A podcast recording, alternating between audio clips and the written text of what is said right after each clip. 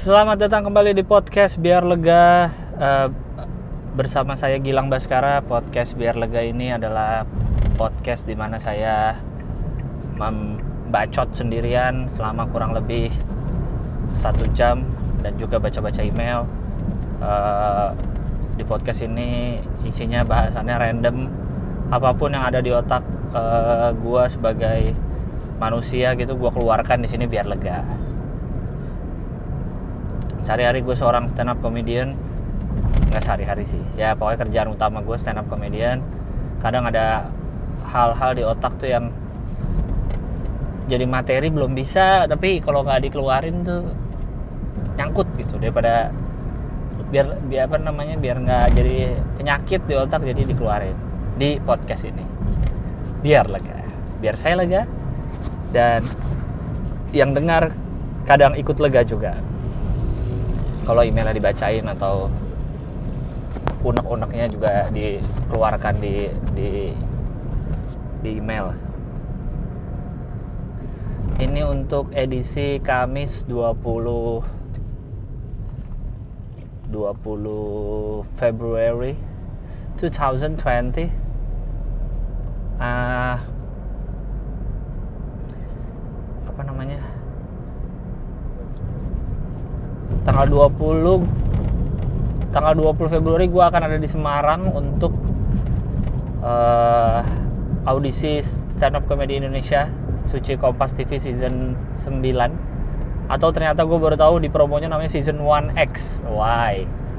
Why Kompas TV why you have to call it 1X kenapa emang season 9 aja gitu? Ah aneh terus iya jadi jadi gue bikin sekarang daripada nanti pas di Semarang gue ribet upload segala macam jadi telat jadi kacau mending gue bikin dari sekarang. Jadi sekarang nih gue masih di Jakarta posisinya. Nah jadi yang siapa tahu ada pendengar di sini yang ikut yang akan berencana ikut audisi suci di Semarang. Sampai jumpa di sana. Dan semoga kalian lucu. Eh, karena kalau tidak lucu, saya akan sangat bosan. Harus mendengar mungkin puluhan atau ratusan orang mencoba melucu, tapi tidak lucu. Besok sendiri kayaknya gue jurinya nggak tahu yang lain. Gitu. Uh, terus terima kasih yang hari Kamis lalu datang ke Komika Lucuan acaranya Comika di Wacuan Senopati eh Gunawarman thank you very much Boring Bokir live. Itu pertama kalinya kami live bertiga. Boring Bokir tapi live gitu. Kayak pertama kalinya sih bener uh, seru banget. Seru-seru. Kami tuh deg-degan karena susah kan kita mau bahas apaan ya? Mau bahas yang udah pernah di YouTube gitu atau apa. Tapi kan beda YouTube kan ada editing. Kita nih live ya. Seadanya. Tapi ternyata lumayan lah. Kayaknya ada sejam. Sejaman ngobrol. Uh, ada materi yang disiapin. Tapi banyakan yang improv di panggung. Terus ya kayak gitulah. Banyak kan yang improv di panggung uh, bersandar pada chemistry aja. Bersandar pada pertemanan kami bertiga aja. Jadi siapa tahu bisa lucu gitu maksudnya. Nggak banyak nyiapin materi. Karena kalau yang udah-udah kalau disiapin materi malah jadi nggak lucu biasanya yang udah-udah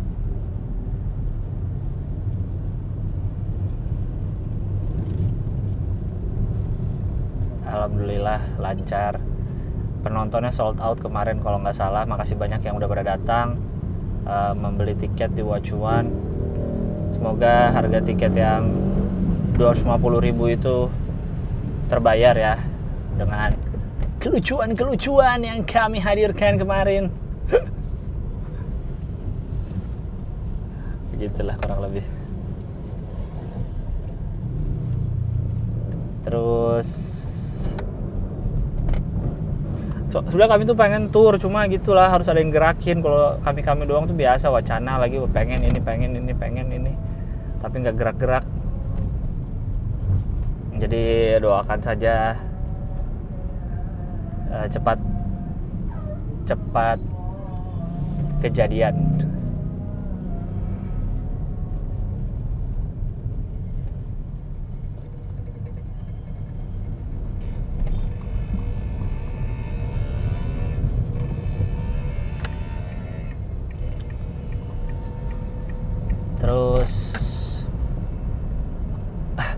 kemarin yang rame di Twitter lihat nggak Satpol PP Surabaya yang uh, gerebek hari Valentine? Uh, dengan bangganya foto dengan kondom yang disita, wih keren banget. Satpol PP Surabaya gue apresiasi banget kerja kalian. Anak-anak buah Bu Risma gue apresiasi banget atas keberhasilannya menggerebek uh, kosan-kosan kecil dan hotel-hotel uh, murah yang berisikan hanya orang-orang yang mungkin ingin memadu kasih dalam merayakan Hari Valentine tanpa merugikan negara, tanpa merusak fasilitas umum, tanpa uh, menghambat roda perekonomian masyarakat Surabaya, tapi akhirnya dirazia juga selamat untuk Satpol PP Surabaya. Keren banget deh untuk nangkepin orang-orang kayak gitu. Wow, saya sangat bahagia melihatnya. Uh, ada beberapa sobat-sobat di Twitter yang me-mention saya di Twitter. Bang, nih kayak di podcast lo. Uh, Kebetulan mirip yang bahasan gue di podcast yang berjudul Miskin kalau nggak salah. Intinya dari isi podcast itu adalah bagaimana negara ini tidak berpihak kepada rakyat miskin dari segi fasilitas umum, mall, uh, jalan raya, pokoknya fasilitas umum dan terutama adalah untuk soal gerebek-gerebekan. Karena yang digerebek pasti hotel murah. Apa Anda pernah lihat ada JW Marriott digerebek gitu atau ada Pullman digerebek, Ritz Carlton digerebek? Tentu tidak pernah dong. eh, kenapa sih kalian malah pada mention-mention gue kan gue jadi ketawa-tawa sendiri melihatnya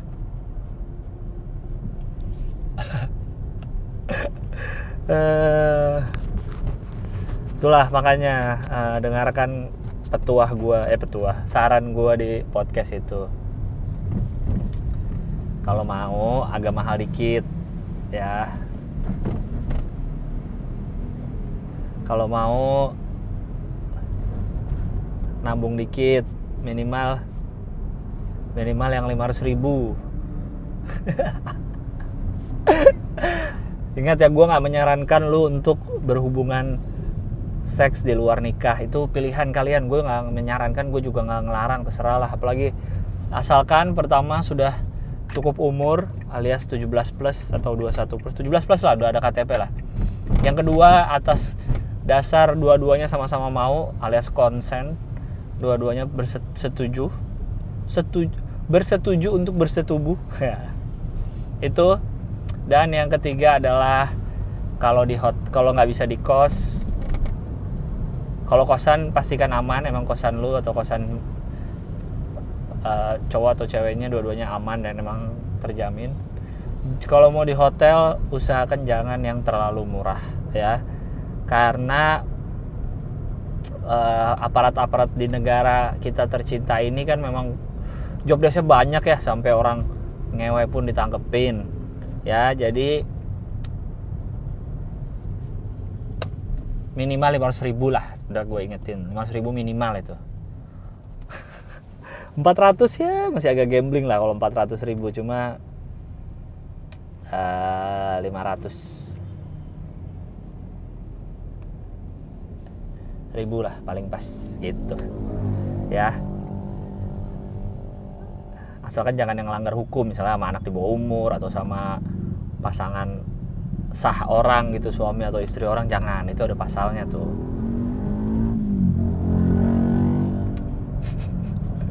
Lu pada mention gue sih gue jadi ketawa jadi inget lagi deh gue kenapa gue jadi ketawa ya? Gue sih prihatin sih. Eh enggak gue mengapresiasi banget eh, pekerjaan Satpol PP Surabaya.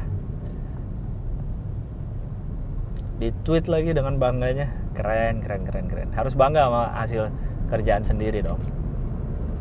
Eh tadi berita eh, Ashraf meninggal ya. Eh, uh sedih banget gue dengarnya gue nggak segitunya sama BCL sama Ashraf sih tapi gue wow apalagi meninggal mendadak gitu. Nah serangan jantung habis olahraga. Eh, dan langsung banyak yang ya olahraga aja bisa meninggal ya. Meninggal mah meninggal aja bro. Mau lo olahraga mau enggak. Justru yang dipikir adalah yang olahraganya rajin aja meninggal apalagi anda anda yang malas. Itu aja.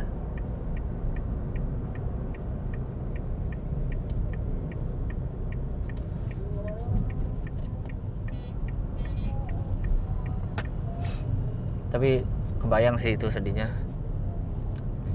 Mendadak tapi eh, walaupun hikmah bukan hikmah sih gue nggak tahu apa cuma meninggalnya tenang banget lagi tidur kan. Kalau gue salah sorry tapi yang dari gue baca dan gue ini eh, beliau dalam tidurnya meninggal saat dalam tidur jadi nggak pakai sakit dulu sebelumnya nggak nggak iyalah maksudnya nggak pakai sakit nggak pakai tersiksa dulu tubuhnya baik-baik aja pulang dari US atau meninggalnya dalam tidur lagi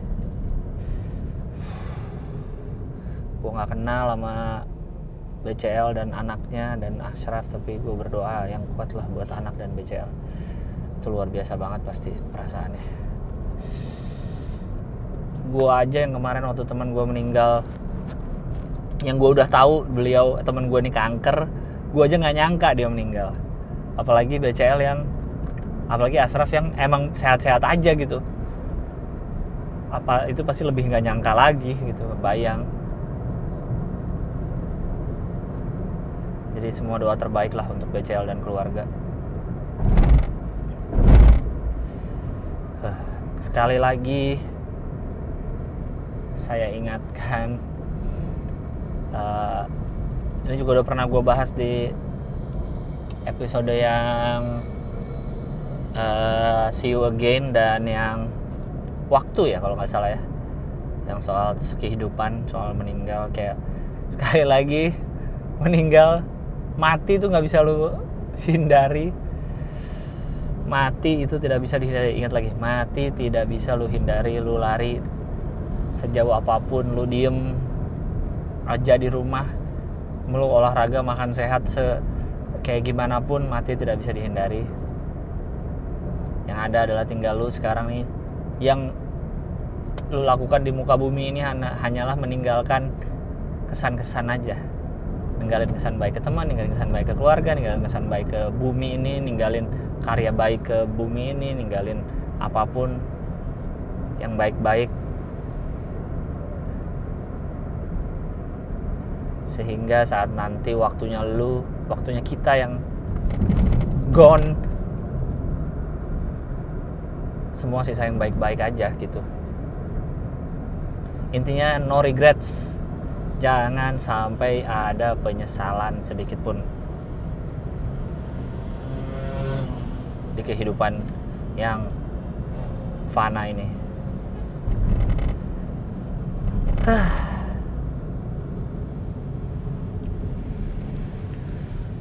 Gue belum tahu sebenarnya nggak ada nggak ada bahasan apa ya nggak ada masalah pokok yang pengen gue bahas gitu sebenarnya gue pengen bahas apa gue juga nggak tahu sebenarnya episode ini gue pengen ya ngobrol-ngobrol ya seperti biasa biasa juga kagak ada bahasan kan?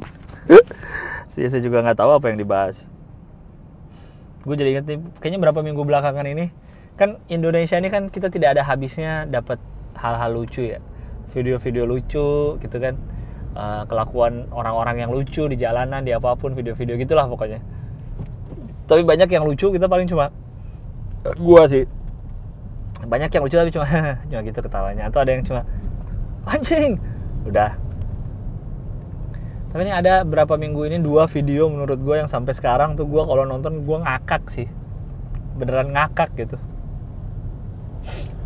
Yang pertama yang si Ade anak Sunda kerudungan di kelas yang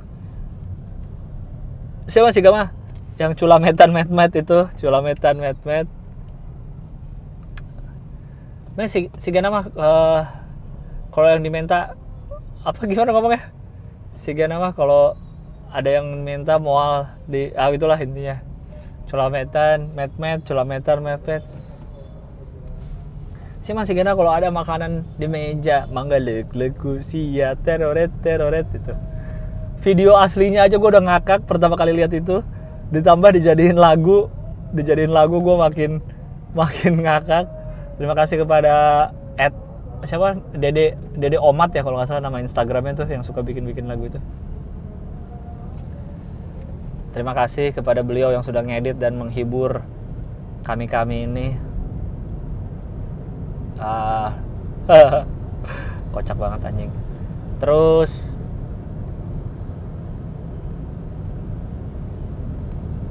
ada satu video satu lagi adalah video yang satu lagi video yang anak kecil belajar baca. Ah anjing gue kalau inget masih ketawa. Inget dong gue ketawa loh nih. Yang D A S Dasi. Dasi siapa? B Anjing.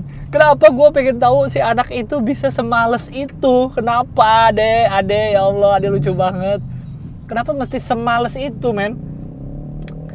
Lu lihat gestur matanya, lirikan lirikan mata kayak dia ngeliat ini huruf apa dia ngelirik sedikit ke bawah ke hurufnya ke huruf D terus pas nyebutin D-nya tuh matanya ke atas gitu kayak kayak males pisan gitu kayak D sambil setengah merem dan ngadep atas dan videonya ada lanjutannya kan? Videonya ada lanjutannya.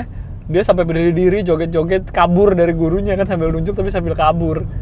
Karena udah udah males banget gitu. Gue pengen tahu dia ada deh habis melewati harinya tuh kayak apa sih dek? Apa yang kamu lewati ade sampai kamu semalas itu untuk membaca? Gue pengen tahu sih ade ini habis ngelewatin apa di hidupnya yang masih TK hal berat apa? Huh? Kelewatan episode kartun minggu lalunya atau gimana ade lucu banget. Satu huruf aja tarikan napasnya tuh sampai jauh banget. D S gitu loh kayak untuk ngomong satu huruf aja narik napasnya luar biasa sih ade. Ya Allah lucu banget.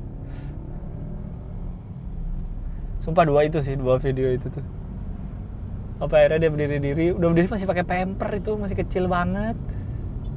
Es. Dasi dodi. Eh. Aduh luar biasa banget tuh adek. Lucu banget ya Allah. Gue pengen tahu dia kenapa sih mesti semales itu gitu. Apa yang terjadi pada hidupmu adek? Yang membuatmu begitu malas dalam belajar membaca. Aduh juara banget sih itu. Asli asli asli itu juara juara pisan lah itu. Itu sih gue lebih nomor satu itu. Kedua sih mangga legu sih ya teroret teroret. Itu hiburan gue sampai gue save videonya di Instagram gue cari yang upload gue save. Jadi kalau ada hari gue lagi sendu lagi sedih gue play lagi video itu hanya untuk melihat anak TK males mengeja es anjing lucu banget.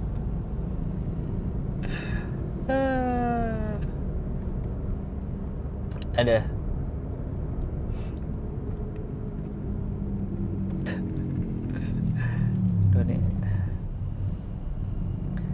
Gue kayaknya gue nggak terlalu inget sih masa TK gue ya tapi kayaknya gue nggak nggak sampai segitunya sih ya itu doang paling yang gue inget yang kayak gue ceritain di episode minggu lalu. Paling kalau lagi apa ke dokter gigi dokter giginya gue lawan itu doang lah paling lah. Di kelas gue pendiam gue pendiam gue pendiam orangnya sampai SM SMP ya sampai sampai gue sebelum menemukan stand up komedi lah. Gue tuh pendiam orangnya. Gua bukan yang tipe badut kelas. Nggak begitulah nggak begitu badut kelas. Bukan yang suka tampil depan kelas suka yang ngoceh. Gua bawel di kalangan pertemanan lingkaran deket aja. Kalau ini lingkaran pertemanan yang deket banget ya deh gua ngelawak di situ gua ngelucu dari dulu. Tapi kalau soal sebagai manusia mah gue pendiam asli. Gitu. Makanya uh, teman-teman gue yang teman-teman gue yang kenal gue dari kecil gitu ya dari SD dari SMP yang kalau yang ngelihat gue stand up ngelihat sekarang gue kerjaan ngomong depan umum mereka kaget biasanya. Kaget karena uh,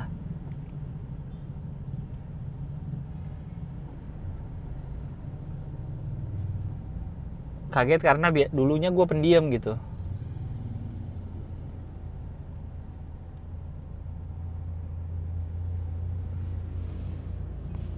sekarang kok bisa ngomong depan umum apalagi ngelawak depan umum gitu sih. Kalau yang yang kenal gue setelah stand up ya udah gitu. Teman-teman kuliah gue mungkin taunya gue suka ngelucu aja di tongkrongan. Tapi gue sampai gue sampai kuliah pun paling males tuh ngomong depan umum. Asli deh. Presentasi depan kelas aja gue paling paling kalau bisa gue menghindari lah. Presentasi depan kelas kalau bisa bukan gue yang ngomong gitu. Gitu loh jadi biar biar siapa tahu lu pada ada yang merasa lu orangnya kayak gue pendiam tapi lu pengen punya kerjaan atau berkarir atau mencoba di bidang public speaking bisa gitu kayak gue gue pun gak akan nyangka kalau gue sekarang nyari duitnya dari ngoceh nih. Kayak gitu makanya kebanyakan tuh pasti kaget kalau yang teman-teman gue dulu. Gue nggak tahu sih gue emang orangnya tuh apa dulu dari dulu ya? Pemalu pemalu kan iya malu sih gue gue pun sampai sekarang kayak gitu sebenarnya. Uh, kalau ngobrol biasa mungkin kalau lu ketemu gue kalau lu ngobrol biasa gue biasa aja gitu. Beda kalau lu ngobrol sama Uus gitu. Dia kan orangnya talkative atraktif gitu kan. Emang dia mah banci tampil si anjing gitu kalau gue beda gitu. Ya lu lihat gue di panggung itu gue lagi kerja lagi stand up aja gitu. Gue menemukan uh, ada tenaga beda di panggung. Beda kalau lu ngobrol biasa ya gue gitu-gitu aja orangnya. Diem pasti. Tapi kalau sama lingkungan lingkungan yang gue udah deket ya gue ya ngocol. Ya begitulah gitu. Jadi kalau lu siapa tahu lu mau lu merasa diri lu pendiam atau apa tapi lu pengen nyoba berkarir di bidang stand up atau di bidang public speaking lain kalau dari pengalaman gue mah coba aja men. Siapa tahu itu adalah potensi yang selama ini tertutup dan akhirnya terbuka gitu karena lu coba. Gitu. Kalau kata kalau kata Coldplay kan if you never try you never know. Jadi try dulu men. Gitu. Gue pun dulu karena nyobain open mic karena disuruh temen asli. Ya karena itu tadi teman-teman kampus gue mungkin merasa gue lucu di tongkrongan. Gue lucu di tongkrongan terus saya tuh lah ada cobain cobain open mic. Makanya saat open mic itu pertama kali semua temen gue tuh datang semua teman-teman deket gue pada nontonin. Makanya gue jadi pede anjing kalau enggak gue depan umum depan, apalagi depan depan umum di kelas yang orang-orang yang gue kenal aja gue males. Apalagi depan umum di orang-orang yang gak gue kenal. Waktu itu di Bobber Cafe Bandung. Males pisan. Tapi karena banyak teman-teman jadi gue pede. Dan saat mendapat ketawa pertama tuh penonton ketawa itu gue makin ah, anjing nih gue pede gitu loh. Kayak gitu sih. Sampai sekarang sih gue nggak dan gue merasa nggak berubah sih gue kayak ya gue banyak ngomongnya emang di panggung aja gitu. Kalau gue yang sering diem di, di tempat umum atau di tongkrongan eh di tongkrongan nggak terlalu sih. Itu sih gue masih sama sih gitu. Ini murni bisa kayak gitu karena karena di di di pekerjaan aja. Begitu jadi kalau siapa tahu lu ada yang mau ikut untuk mau nyobain stand up tapi lu merasa di pergaulan itu lu tidak banyak omong ya sangat it's okay man. Sangat tidak apa-apa dan sangat bisa sangat bisa di dicoba gitu. Karena pun nggak semua anak stand up orangnya kayak uus gitu yang yang emang badut kelas yang banci tampil kayak Panji gitu kan. Panji kan tampil banget orangnya uh, siapa lagi ya yang cukup banci tampil ya?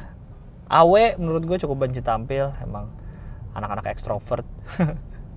Kayak gitu banyak yang ya pendiam-pendiam juga gitu anak-anak stand up. Ini mah kumpulan orang aneh gitu. Kami-kami ini orang aneh yang menemukan rumahnya. Uh, itu sih gue juga nggak tahu sih kenapa gue dari dulu pemalu banget gitu. Ya mungkin emang udah ya itu aja kali ya. Mungkin emang manusia emang manusia terlahir ada yang uh, ekstrovert dan introvert aja udah gitu. Nggak peduli lingkungan nggak peduli apa emang udah uh, emang udah darahnya aja gitu gennya aja begitu. Gennya aja pemalu udah ada orang-orang begitu dan dan mau gimana lagi gitu. Jadi kalau lu merasa lu pemalu terus lu pengen pengen pengen banyak teman gitu kayak lu harus gimana ya? Ya nggak harus gimana mana kalau pemalu ya udah pemalu aja gitu. Selama nggak bikin lu misalnya karena lu pemalu lu jadi kehilangan kesempatan kerja atau jadi apa ya? Selama nggak gitu mah stay aja bro. Slow bro. Gue tuh kadang tuh orang-orang kayak gua gitu kayak kita tuh kadang suka disangka bosen gitu. Misalnya lagi di tongkrongan di tongkrongan yang orang-orangnya gue nggak begitu akrab gitu misalkan. Dari lima orang yang gua dari yang dari ada misalnya ada 10 orang nih yang gua akrab cuma dua gitu. Yang gua akrab banget. Sisanya temen mutual friend gitu temennya temen. Temennya temen terus uh, mereka ngobrol terus gue banyak diem. Terus kadang tuh orang suka nyangka tuh ke orang-orang kayak gue ke orang-orang kayak kita lah yang yang yang mengalami yang kayak gini juga gitu. Pasti orang nyangka aduh aduh kasihan tuh nggak diajak ngobrol. Padahal gue guanya tuh nggak apa-apa gitu. Nggak apa-apa nggak diajak ngobrol udah. Ngobrol aja kalian gitu. Nggak apa-apa kok gue diem aja gini. Bukan berarti bukan berarti gue bosen atau harus dikasihani gitu. Biasa aja gue begini tuh. Nggak apa-apa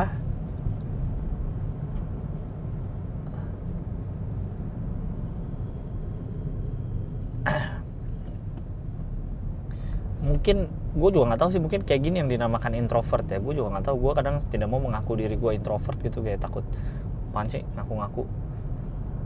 Walaupun gue inget gue pernah tes IQ selama hidup kan waktu sekolah kayak tes IQ ada pas SMP tes IQ SMA tes IQ emang gue masuknya introvert sih kayak dua kali apa dua kali tes IQ gue masuknya introvert. Tapi ya ya nggak tahu gitu mungkin cuma ya itu emang nggak apa-apa gitu. Kayak misalnya gue sering nonton bioskop sendirian atau ke mall emang lagi ada yang mau dibeli ada yang cari sendirian gitu. Biasa aja gitu. Kan banyak orang yang kayak kasihan banget nonton sendiri gitu. Biasa aja bro. Emang ada tidak tidak semua emang manusia makhluk sosial tapi tidak selalu harus rame-rame gitu. Makanya gue kadang suka kepikiran gue tuh pengen punya banyak teman asli. Pengen banget gue punya networking yang luas punya banyak teman di mana-mana. Tapi di sisi lain gue nggak pengen ketemu orang banyak gitu. Gue tuh males ke tempat yang rame sebenarnya. Makanya gue kalau ke mall tuh bener-bener kalau ada perlu.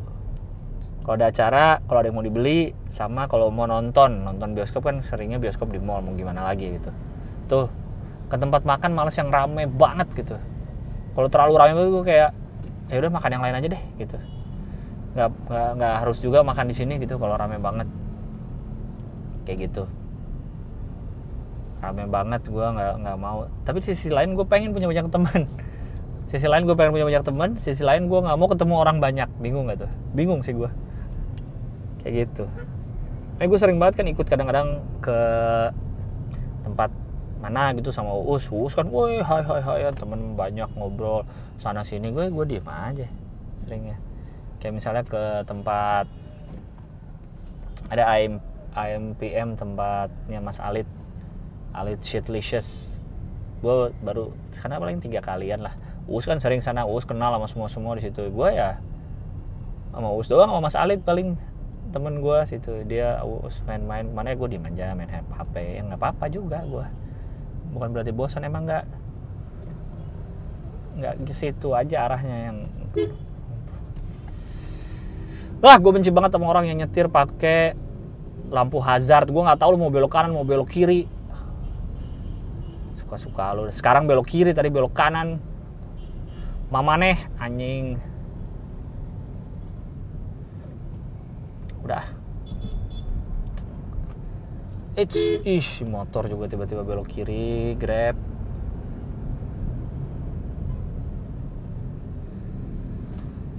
Ah, udah berapa menit nih? Udah gue mau baca email lah. Gue stop dulu ya, nanti kita lanjut di sesi kedua membaca email yang lumayan banyak. Oke, lanjut lagi ke membaca email.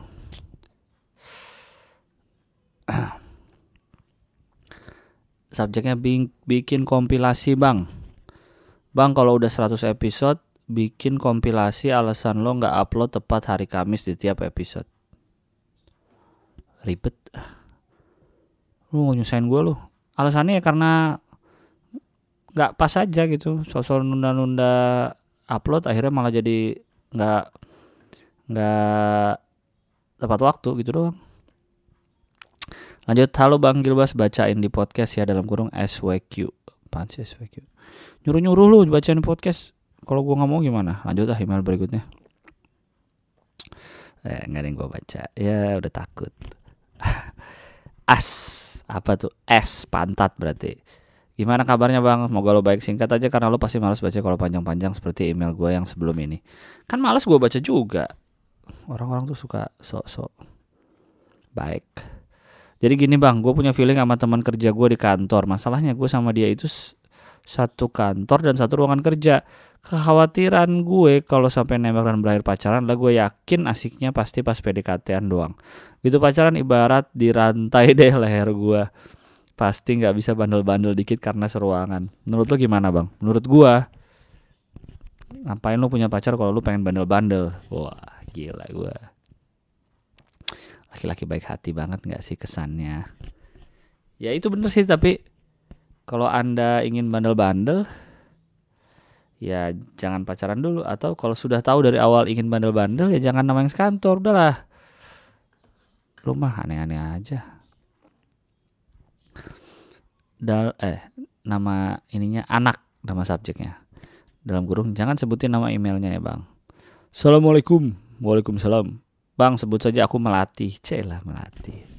Melatih. Sekarang lagi kuliah semester 8, kuliah jurusan PGSD, Pendidikan Guru Sekolah Dasar. Sekarang ini lagi praktek ngajar di salah satu SD. Mau cerita setiap pagi aku pasti dengar podcastnya abang mau itu di biar lega atau di stand up Indo. Padahal stand up Indo belum tentu gue. Pokoknya yang ada suara abang biar bisa ketawa dulu soalnya lucu aja kalau dengar abang lagi ngomong hehe. Apa masa lucu sih? Lumayan lah bang buat bangkitin semangat ngajar. Soalnya sampai sekolah kita harus ceria. Secara dong anak SD manyun dikit anak-anak jadi takut. Nah aku ngajar udah hampir dua mingguan bang dan iya banyak sekali yang pengen aku ungkapin aja. Pertama masuk kelas. Aku masuk kelas 5 dan jujur aku ingin dibuat istighfar berkali-kali. Anak-anaknya pada bandel banget ya Allah. Ya karena didominasi laki-laki juga mungkin ya. Kalau aku lagi ngejelasin eh dia malah tiduran bang di teras. Kenapa bisa lagi jelasin tiduran di teras belum lagi yang main kejar-kejaran. Aku sampai nggak bertanya-tanya mereka ma mereka makan apa sih di rumah kok bandel banget? Terus nih bang pas lagi ngajar anak-anak pada bandel kan ya aku diemin aja. Lagian nggak apa-apa lah hitung-hitung mereka mengekspresikan diri. Tiba-tiba ada anak laki-laki jerit kenceng banget. Aku terkejut kan kenapa tuh anak takut ada apa-apa juga? Eh ternyata dia digangguin sama anak-anak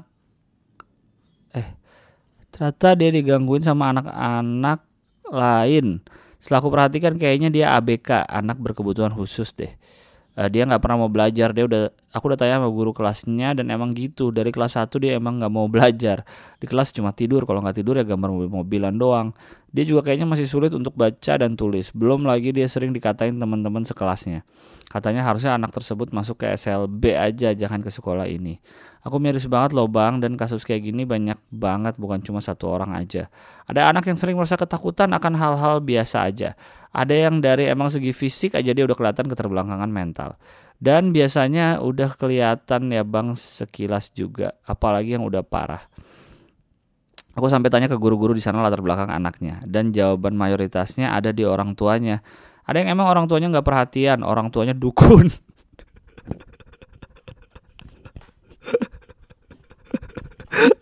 gue sorry gue harus ketawa. Karena lucu orang tuanya dukun. Jadi apakah di rapot anaknya orang tuanya nulis pekerjaan ayah dukun pekerjaan ibu dukun gitu kali ya. Jujur gitu. Dan berarti kalau dia bisa sampai nyekolahin anaknya berarti pekerjaan dukun itu uh, duitnya lumayan gitu ya. Ah, aduh atau orang tuanya broken home dan dia tinggal sama nenek atau keluarga yang lain. Di sana aku merasa ditampar banget untuk yang emang berasal dari keluarga yang bisa dikatakan baik-baik saja.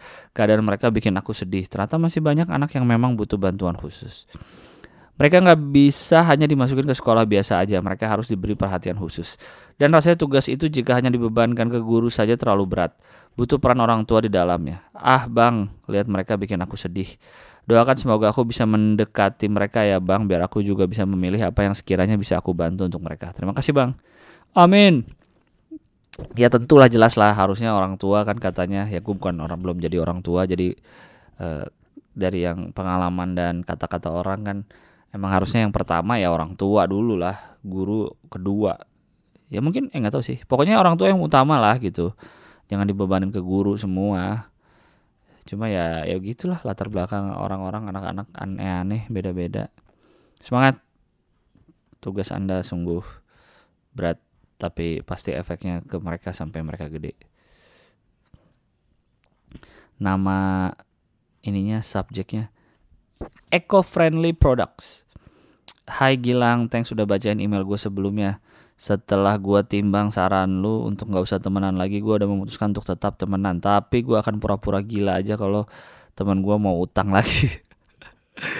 Masa dia ngutangin ke orang gila Kali ini gue mau tanya tentang eco-friendly product lo yang kita udah tahu Indonesia negara penyumbang kedua sampah plastik di dunia. Karena hal ini juga yang buat gue jalanin usaha untuk memasarkan produk-produk ramah lingkungan, misalkan bambu straw yang menggantikan sedotan plastik konvensional dan tote bag atau kantong singkong sebagai pengganti kantong plastik sekali pakai. Pangsa pasar gue selama 3 tahun berjalan ini adalah pasar ekspor karena susah banget masuk ke pasar lokal Indonesia. Gokil, ekspor mantap. Kayaknya kesadaran orang Indonesia masih kurang untuk mengganti produk plastik dengan produk ramah lingkungan. Gue minta saran dong bang gimana cara untuk ngajak masyarakat Indonesia dalam kurung luar Bali. FYI gue dari Bali dan bisa lebih sadar dan peduli sama lingkungannya sendiri. Bali malah kalau nggak salah udah sama sekali nggak boleh ya uh, kantong plastik uh, sekali pakai. Thanks bang kalau email gue udah dibacain dan bisa lu kasih saran lagi. Uh, oh ya gue punya ide untuk penanggulangan sampah plastik di Indonesia adalah pengolahan limbah plastik jadi batako. Batako, oh bisa ya. Mungkin pendengar podcast lu ada yang punya modal besar dan bisa mengadakan teknologi mesin untuk pengolahan sampah plastik itu, gue yakin bisa jadi peluang bisnis yang menjanjikan. BTW terus berkarya ya lang salam. Salam juga. Uh, susah sih kalau uh, pakai plastik menurut gue masalah kebiasaan sih kalau di kita. Ya ya kebiasaan tuh salah satu yang susah dihilangkan gitu kayak kayak kebiasaan nggak enakan gitu-gitu tanggal terus uh, kebiasaan salah nggak di nggak ditindak dengan tegas makanya masih banyak orang lawan arah segala macam uh, tapi gue udah ada rencana untuk membahas soal plastik di satu episode sendiri jadi nanti deh ya tunggu episode gue bahas plastik. Udah ada catatan gue tapi belum dibahas-bahas. Lanjut. Dia Ribli nomor satu panjang nikmat maksudnya dia Ribli apa sih? Don't tell my email address. Dalam kurung kalau keceplosan gak usah dilanjutin. Haha, halo Bang Gilang. Semua juga gak ada yang gue baca kok emailnya. alamat emailnya. Bang pernah nggak suka sama teman sendiri? Jadi gini bang awal kenal sama si cewek masuk kuliah. Dia pacar dari temanku yang dia pacar dari temanku satu SMA sama aku. Awalnya nggak ada perasaan macam-macam karena dia udah punya cowok dan terlebih lagi cowoknya teman aku juga.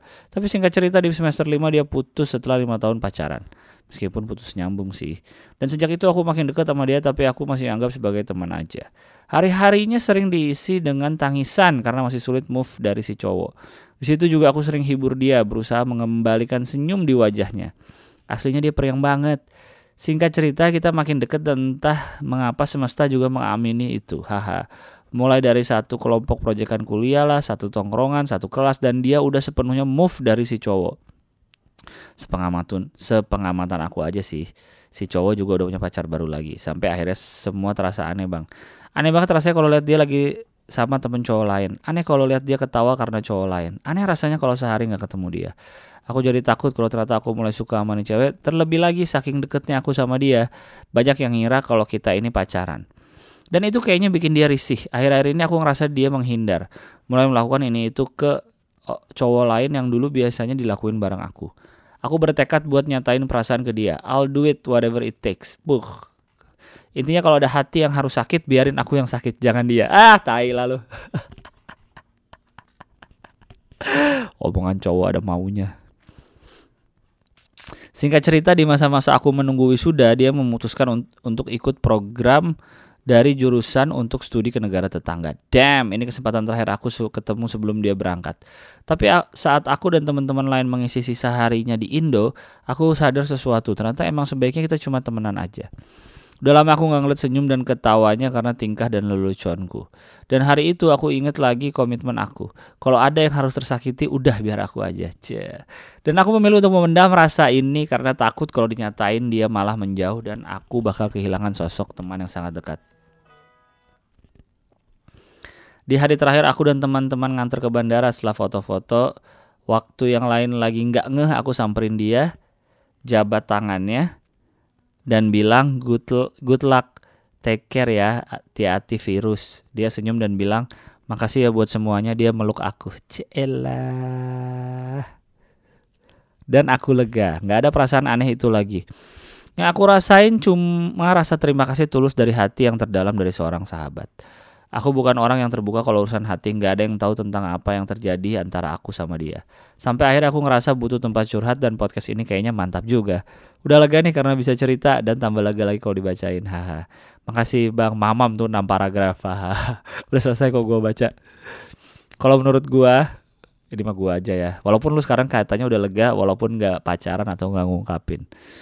Kalau menurut gue sih harusnya ungkapin aja sih. Apalagi dia udah sebelum cabut tapi udah keburu cabut ya. Karena di masa depannya kalau lu udah punya pacar atau udah punya pasangan gitu ya sampai di masa depan lu udah punya pasangan terus uh, dia juga udah pas eh enggak di masa depan lu udah punya pasangan gitu yang bahaya tuh bukan mantan pacar menurut gua. Yang lebih bahaya yang lebih bahaya tuh bukan mantan mantan kita lah gitu atau mantan pasangan lu nanti. Yang lebih bahaya adalah kasih tak sampai yang kayak gini nih karena masih ada rasa penasaran ya. Gebetan yang nggak jadi uh, ini juga cinta yang tak terungkapkan. Itu yang lebih bahaya bro. Tiba-tiba di masa depan udah punya pasangan dia muncul lagi kalau dia mantan lu lu kayak oh, udah tahu dah udah pernah pacaran udah tahu buruk-buruknya nggak mau lagi ya gitu. Tapi kalau yang belum kejadian lu kayak masih anjing si cewek ini ada lagi dan dia nggak punya pacar. Anjing penasaran gue dia kalau gue ungkapin sekarang dia masih mau nggak ya? Nah itu tuh. Hati-hati menerima akibatnya.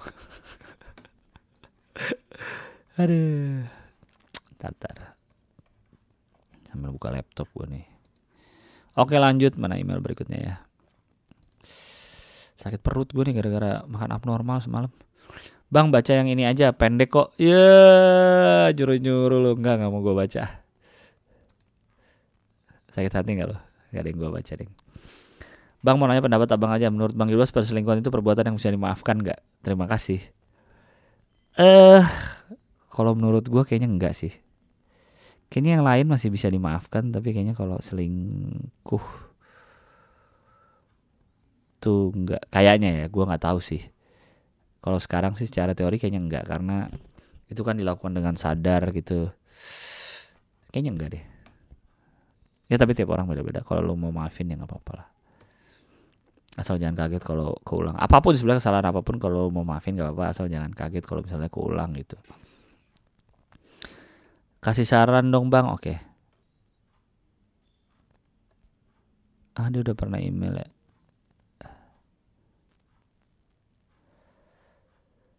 Uh, oke lanjut. Uh, Assalamualaikum Bang Gilbas. Waalaikumsalam. Semoga selalu sehat Karena sehat itu lebih penting dari apa pun. Betul. Bang doain hari Selasa 11 Februari besok Aku ujian SKD Tapi sekarang udah tanggal 19 Semoga lancar bisa lulus jadi PNS Lalu eh lulus belum bisa masuk jadi PNS Coba lu udah lulus belum sekarang nih? Tapi bingung nih bang izin ke kepala sekolah buat tes itu. Masalahnya sekolahku punya yayasan yang larang kita ikutan tes CPNS jadi aku dan teman-temanku daftar diem-diem, tapi kayaknya ada yang tahu, tapi tetap aja mau ikut tes nanti. Kita harus bohong izinnya. Ada saran izin bohong yang gak ketahuan gak bang? Bohong itu susah ya ternyata. Aku sebenarnya nggak mau bohong, tapi nggak akan diizinin kan. Sementara ini adalah mimpi orang tuaku. Nggak nuntut buat lulus tapi pengen aku mau mencoba. Dari tahun kemarin aku malas ikutan tes, akhirnya tahun ini aku ikut juga. Mungkin karena udah bosan di tempat kerja sekarang dan hitung-hitung nyenengin orang tua. Semoga doa orang tua bisa bikin berkah. Thank you bang. Ah, gua nggak ini udah 11 Februari lu mungkin udah selesai ujiannya dan mungkin udah bohong. Tapi cara bohong biar gak ketahuan sebenarnya gampang sih. Yaitu adalah beritahu jawaban atau pernyataan yang diinginkan oleh pihak yang kamu bohongi itu gitu. Misalkan, misalkan uh, yang kamu pengen kamu pengen pergi ke diskotik misalkan. Pengen pergi ke diskotik. Tapi bingung izin sama orang tua. Terus dalam hati lu tahu ah kayaknya orang tua akan ngizinin kalau lu bilangnya nginep di rumah temen deh gitu. Ya udah bohongnya itu berarti. Aku mau nginep di rumah temen ya orang tua. Oh mau nginep di rumah teman oke nggak apa-apa silahkan padahal ke diskotik. Nah karena lu tahu orang tua lu akan percaya kalau lu bilang ke rumah teman jadi cara bohong adalah kasih tahu ke orang tersebut yang pihak yang akan lu bohongnya adalah sesuatu yang akan dia percaya gitu terus ribet-ribet bro. Uh, Sariawan dan es krim. Assalamualaikum apa kabar? Waalaikumsalam kabar baik. Jadi gini bang Abang Gil sering sariawan. Aku sendiri sebenarnya gue nggak sering kok. Gue jarang banget sariawan malah sebenarnya. Kemarin lagi kebetulan aja udah jarang-jarang sariawan. Aku sendiri tipe orang yang sering banget sariawan. Udah penyakit bulanan banget. Sariawanku pun diklasifikasiin dua jenis. Pertama yang sakit banget dan lebar banget sampai berhari-hari kadang berminggu-minggu nggak sembuh. Yang kedua tipe yang tiba-tiba muncul dan tiba-tiba pergi begitu saja, kayak temen yang lagi ada butuhnya gitu. Kadang sebelum makan atau ngomong belum tumbuh sariawan, tiba-tiba pas sudah selesai muncul tuh sariawan tanpa sebab apa pun. Bisa lu nggak sariawan ngomong terus tuh muncul sariawan, aneh lu. Saking seringnya sama ortu dibawa periksa ke dokter. Ternyata kata dokter gara-gara pikiran. Aku takjub banget dong padahal aku ngerasa santuy-santuy wolos menjalani hidup. And then kata dokter obat sariawan tuh cuma es krim. Coba bang, es krim tuh tempelin ke sisa sariawan sampai mati rasa. Besoknya sembuh pasti, kata dokter. Kadang sih work di aku, kadang juga enggak. Mungkin bisa work juga di Bangkil atau pendengar podcast lainnya. Aku sih jujur lebih work albotil. Sayang katanya bahaya, hehe. Udah gitu aja. You bang. Wassalamualaikum warahmatullahi wabarakatuh. Waalaikumsalam. Gue nggak pakai albotil sih. Gue biasanya kumur betadine atau pakai kenalok. Kenalok tuh kayak salep gitu. Dioles ke sariawan biasanya sebelum tidur sih karena kalau nggak sebelum tidur gampang copot. Karena dia kayak bikin lapisan di atas sariawannya gitu. Dan biasanya kayak analog tuh bikin cepat sembuh dan tidak ada uh, perih sama sekali. Uh, gara-gara pikiran benar bro. Pikiran tuh bahaya banget di luar fisik. Pikiran tuh bisa ganggu fisik lo tanpa lu sadar. Nah kayak gini kan lu ngerasa lu santai jalanin hidup. Padahal bisa aja ada pikiran-pikiran di masa lalu yang lu lu kubur tapi sebenarnya masih kepikiran gitu loh kayak kakek gue kan tahun lalu meninggal ya. Uh, sekitar setahun atau dua tahun terakhir lah sebelum meninggal kakek gue tuh beda banget lah sama kakek gue dulunya. Tiba-tiba pelupa tiba-tiba nggak jelas gitu ngomongnya. Tiba-tiba lupa siapa lupa siapa lupa siapa lupa siapa. Tiba-tiba ngeliat ada tentara Belanda katanya. Tiba-tiba ya masa nenek gue dibilang selingkuh? Ya kali aja udah umur 80 padahal lagi di rumah. Gitu kalau nggak salah kata dokter kata nyokap gue dibawa ke dokter kakek gue sehat semuanya secara fisik. Sehat. Karena kakek gue kan dulunya polisi ya. Sebelum dua tahun terakhir itu baik-baik aja. Masih nyetir. Eh, maksudnya masih dulu pribadi yang kuat lah. Sampai umur tua tuh nyetir sampai umur tua tuh main tenis tapi katanya yang waktu terakhir itu fisik nggak apa-apa tapi pikiran. Katanya pikiran tuh yang mempengaruhi kenapa kakek gue jadi kayak gitu. Dua tahun atau tiga tahun terakhir sebelum meninggal. Jadi lupa jadi nggak kayak orang kayak orang linglung aja lah gitu. Katanya pikiran bukan fisik. Jadi hati-hati kepada pikiran tuh bahaya. Jadi kalau ada kalau ada masalah kalau ada empat sama orang kalau ada apa mending dari muda nih lu maaf maafin lah atau lu legain lu omongin daripada ntar menjadi penumpukan di memori otak saat lu tua. Lanjut.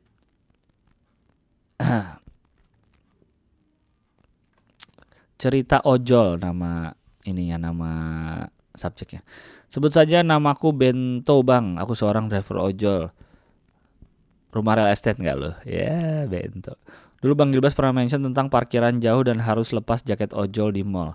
Aku baru ngalamin keduanya tapi di sebuah kampus di Bandung. Aku agak sedikit kesel bang, pagi-pagi dapat orderan makanan beli bubur ayam. Setelah konfirmasi bubur udah di tangan, meluncurlah aku ke lokasi pembeli di asrama kampus. Setelah dekat area kampus, aku chat pembeli masuk lewat pintu mana dia nggak bales. Ya udah aku ikutin aja sesuai yang ada di maps. Tapi ternyata aku dicegat sama satpam, katanya motor hanya masuk lewat pintu dua dan satpamnya bilang kalau mau masuk atributnya dilepas. Aku masuklah lewat pintu dua tanpa aku lepas atribut. Kupikir kalau nggak ada yang negor buka atribut, ngapain ku buka. Dan di dalam aku ketemu lagi satpam. Ku bilang, Pak mau ke asrama, gedung berapa? Gedung ini Pak. Oh, kau parkirkan motormu di pojok lalu kau jalan ke dalam.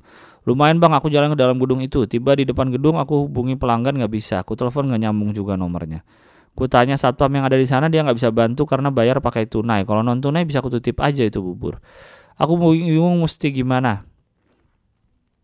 Perusahaan sebenarnya backup order fiktif, uang diganti oleh perusahaan, tapi aku belum pernah klaim order fiktif. Apakah diganti semua sampai ke ongkosnya? Prosesnya pun aku nggak tahu. Setelah lama aku nunggu, ya udah karena pembeli juga nggak ada, aku tunggu. Pembeli juga nggak ada, udah aku tunggu, udah aku hubungin nggak bisa, aku putuskan untuk balik dengan harapan uangku bisa diganti perusahaan. Tapi belum jauh aku melangkah, pembeli akhirnya ngerespon. Untungnya aku belum jauh kalau udah di parkiran malas aku balik lagi. Di aplikasi HP HP ku juga untungnya belum ku pencet order selesai. Kalau enggak dia nggak bisa nggak akan bisa hubungi aku. Setelah aku balik kembali ke pintu dua aku dicegat lagi sama satpam. Oh mau ke mana? Mau keluar aku bilang. Keluar lewat keluar ke sana lewat pintu satu. Astaga ribet banget aku harus muter lagi. Dulu nggak gini bang keluar masuk keluar di satu pintu motor juga bebas Aku nggak tahu kenapa, mungkin biar tertib aja atau gimana. Tapi aku berasa mobil lebih diprioritaskan. Untuk teman-teman pengguna app ojol maupun driver sendiri, mohon untuk nomor ponsel selalu aktif biar komunikasi nggak terhambat. HP kalau lagi order juga jangan ditinggal biar tahu kalau ojol udah sampai mana jadi nggak saling nunggu. Terima kasih banyak. Emot tangan yang maaf lahir batin. Betul, gue juga setuju kalau lo pesen ojol secara pelanggan kan gue pelanggan nih. Kalau bisa kalau udah pesen tuh udah siap yang nunggu semenit nggak apa-apa semenit dua menit tapi jangan lama-lama gitu. Kalau bisa udah pakai sepatu udah apa tinggal jalan. Gitu kasihan ojol lah. Dan untuk abang ojol juga kalau bisa handphonenya juga siap. Karena kadang pernah tuh gue lagi ini lagi pengen sholat. Ya kalau nggak harusnya di off dulu kayak gitu. Atau lagi mau makan atau lagi mau boker pernah gitu. Ya kan kita nggak tahu abangnya juga lagi sibuk ngapain. Jadi kalau bisa abangnya juga siap. Jadi abang dan uh, driver dan pelanggan sama-sama sudah siap lah. Gitu dia si abang ojol ini nge-screenshot chatnya nih. P P mbak mbak mbak. Nggak ada kabar. Jadi sama-sama siap lah biar dua-duanya sama-sama enak. Mau tanya biar lega. Uh, mau tanya assalamualaikum warahmatullahi wabarakatuh. Waalaikumsalam. Apa kabar mas? Saya panggil mas karena dari Jawa Timur. Iya nggak apa-apa lah mau dari mana juga. Semoga sehat selalu ya. Saya saya lu hampir gue sebut namanya. Saya titik-titik jangan sebut namanya ya. Harusnya kru, dalam kurungnya sebelumnya kali. Panggil aja es teh plastikan. Apaan sih? Masa panggil es teh plastikan Mau cerita kalau bisa kasih saran ya Pernah ada masalah sama orang tua nggak? Kalau pernah gimana cara baikannya? Aku bingung. Beda pendapat sama bapak karena posisi lagi jauh. Kita tuh berantem via telepon. Kalau berantem langsung jelas lah aku nggak berani ngelawan bapak Pasti kalah. Pasti aku harus urutin urut, nurutin omongannya. Sekarang aku udah umur 22 tapi masih banyak aturan. Nggak boleh gini nggak boleh gitu. Terus pasti disamain sama anak tetangga. Menurut Mas Gilang gimana cara bilang ke orang tua ini Aku bukan orang lain Bukan anak tetangga gitu. Ya udah gitu aja. Wassalamualaikum warahmatullahi wabarakatuh Mas Gilang. Waalaikumsalam. Eh pernah masalah nggak ya? Kayaknya nggak pernah yang gimana banget sih gue eh gimana ya? Disamain sama anak tetangga? Eh nggak tahu sih lu bekerja aja berkarir sesuai prestasi lu sendiri sih. Berkarir atau lo ngapain berkarya ngapain lah. Umur 22 berarti kayaknya udah lulus kuliah ya. Ya lu ngapain kayak yang bisa orang tua lu lihat wah ini anak gue ternyata hebat di sini gitu beda sama anak tetangga gitu aja kali. Lakuin apa yang lu lakuin jago lah. Aduh banyak eh gue harus buru-buru pergi nih. Terakhir deh yang tadi. Yang tadi terakhir ya. Oke terima kasih banyak yang sudah mendengarkan gue dari tadi dari kemarin dari semalam lihat video-video bunga citra lestari sama anaknya jadi makin sedih gue intinya adalah jikalau anda pendiam dan ingin uh, dan ingin bisa kerja yang banyak omong bisa. Tenang aja.